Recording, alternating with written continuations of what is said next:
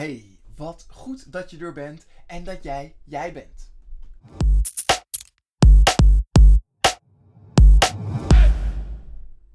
Focus en de mate waarin je je kunt focussen heeft grote invloed op ons welzijn en gevoel van geluk. Het geeft ons grip.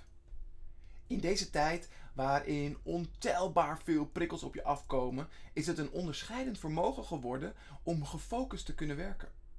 Mensen die kunnen focussen, kunnen echt waardevolle resultaten leveren in plaats van oppervlakkige resultaten. In deze zelfdisco ga ik een aantal tips met je delen die je uh, helpen je focuskracht direct te vergroten. Uh, en dus direct voor meer grip, succes en geluk zorgen. Laten we beginnen bij de meest gemaakte fout.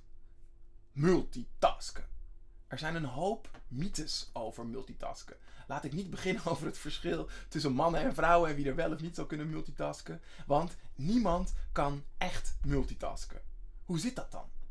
Toen ik voor onze podcast Mark Tichelaar interviewde over zijn boek Focus aan, Focus uit. Ik heb hem hier uh, trouwens staan. Um, schrok ik me echt kapot door iets wat hij vertelde. Mark vertelde over het fenomeen task switching.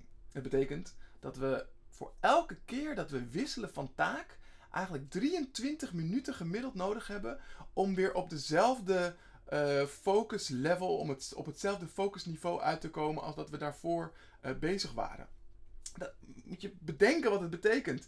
Um, het, ver, het verlaagt onze mogelijkheid om dingen te onthouden. Wat betekent dat voor je dagritme en je productiviteit? Um, als het dus gaat over dat je drie keer zou wisselen van activiteit, uh, bijvoorbeeld uh, door je mail die je afleidt, dat betekent drie keer wisselen, dus dat je 69 minuten al op een dag verliest. Uh, maar je wordt op een dag nog veel vaker afgeleid, waardoor je weer wisselt van taak. Eventjes nog dat afmaken. Um, dus dat is tijd op een dag die het je scheelt.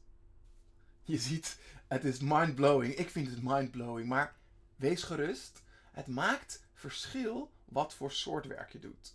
Zo is simpel werk, wat je minder uitdaagt, juist moeilijker te doen zonder wat afleidingen. Hoe zit dat dan? Onze hersenen denken sneller dan dat we ze gebruiken. Zo kunnen we vier keer sneller woorden denken dan dat we ze kunnen lezen. En zelfs zes tot acht keer sneller denken dan dat we ze kunnen uitspreken. Of dus luisteren. Dat betekent dat er gaten ontstaan. Ons brein wordt niet genoeg uitgedaagd. Die gaten die worden opgevuld. Uh, als je niks doet, dan dwalen je gedachten af. Dat herken je vast wel. Maar je kunt je simpele taken dus ook prikkelender maken. Dus het voorbeeld van mensen die kleine tekeningetjes maken tijdens uh, dat ze aan het luisteren zijn, dat ze aan het doedelen zijn, werkt dus om zich beter te kunnen concentreren en kunnen luisteren op wat diegene aan de andere kant uh, van het gesprek aan het zeggen is. Dus simpele multitasking werkt goed mits het geen bewuste aandacht vraagt. Het leidt dus juist tot meer aandacht. Je kunt je dus direct beter focussen als je bewust aan multitasking doet of bewust juist niet. Wat is de standaardregel en hoe kun je het toepassen? Doe je licht werk, wat zowat op de automatische piloot kan, bijvoorbeeld mails beantwoorden en herhalende taken, zorg dan dat je je brein juist meer prikkelt. Dat kan met muziek of doedelen of bewegen, etc.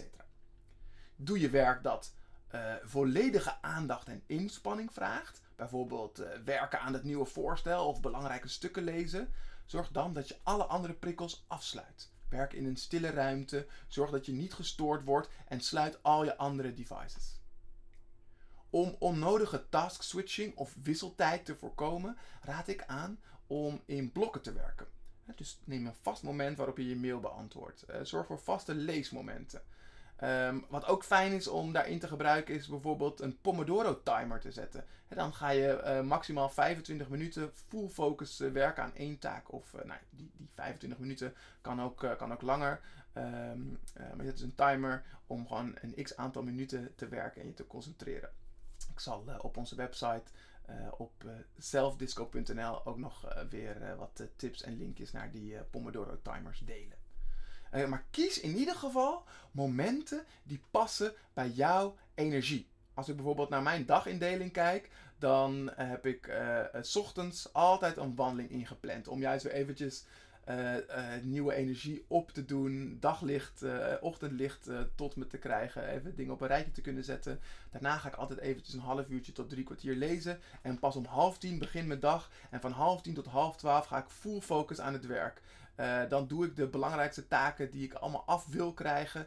Ehm, dan staat ook mijn telefoon uit, al mijn afleidingen zijn uit. En dan uh, doe ik eigenlijk het werk wat gedaan moet worden. Dus eigenlijk om half één middags ben ik klaar met wat ik had moeten doen.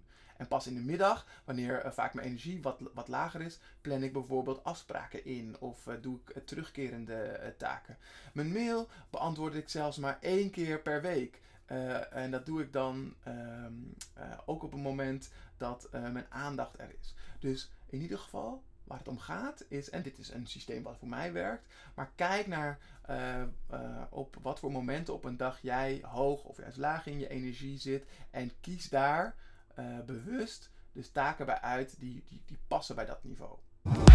Hoe kun jij dat zelf in de praktijk brengen? Allereerst met de self-disco vraag van deze keer. Hoe vaak wissel jij van taken of werkzaamheden? Ben je je wel bewust van hoe lang het duurt voor je weer 100% terug bent bij je taak. Als je de microanalyse van uh, twee self-disco's geleden hebt gedaan, dan uh, zal je hier misschien ook al een klein beetje inzicht op hebben gekregen. Maar denk er maar eens over na. Hoe vaak wissel jij van taken of werkzaamheden?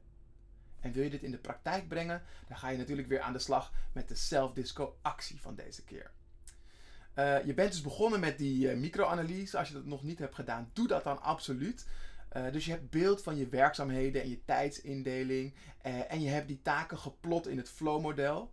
Nu gaan we nog een stapje verder.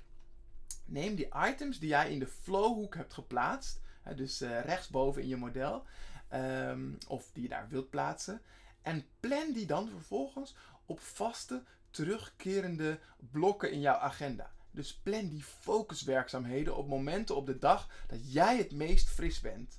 Uh, bijvoorbeeld, uh, als jij aan je boek wilt schrijven, plan dan elke ochtend 30 minuten voor boekschrijftijd in. En je zult merken dat je dan uh, en meer kunt concentreren, meer focus hebt en je ook meer in de flow zult komen. Dus zet hem op, leer jezelf kennen, laat jezelf zien. Tot de volgende zelfdisco. En wil je nou verder werken aan dit onderwerp en dat samen met anderen doen, sluit je dan aan bij de Creators Community, waar we betekenisvolle veranderingen activeren in een stimulerende en leuke omgeving. Kijk maar eens op creatorscommunity.nl.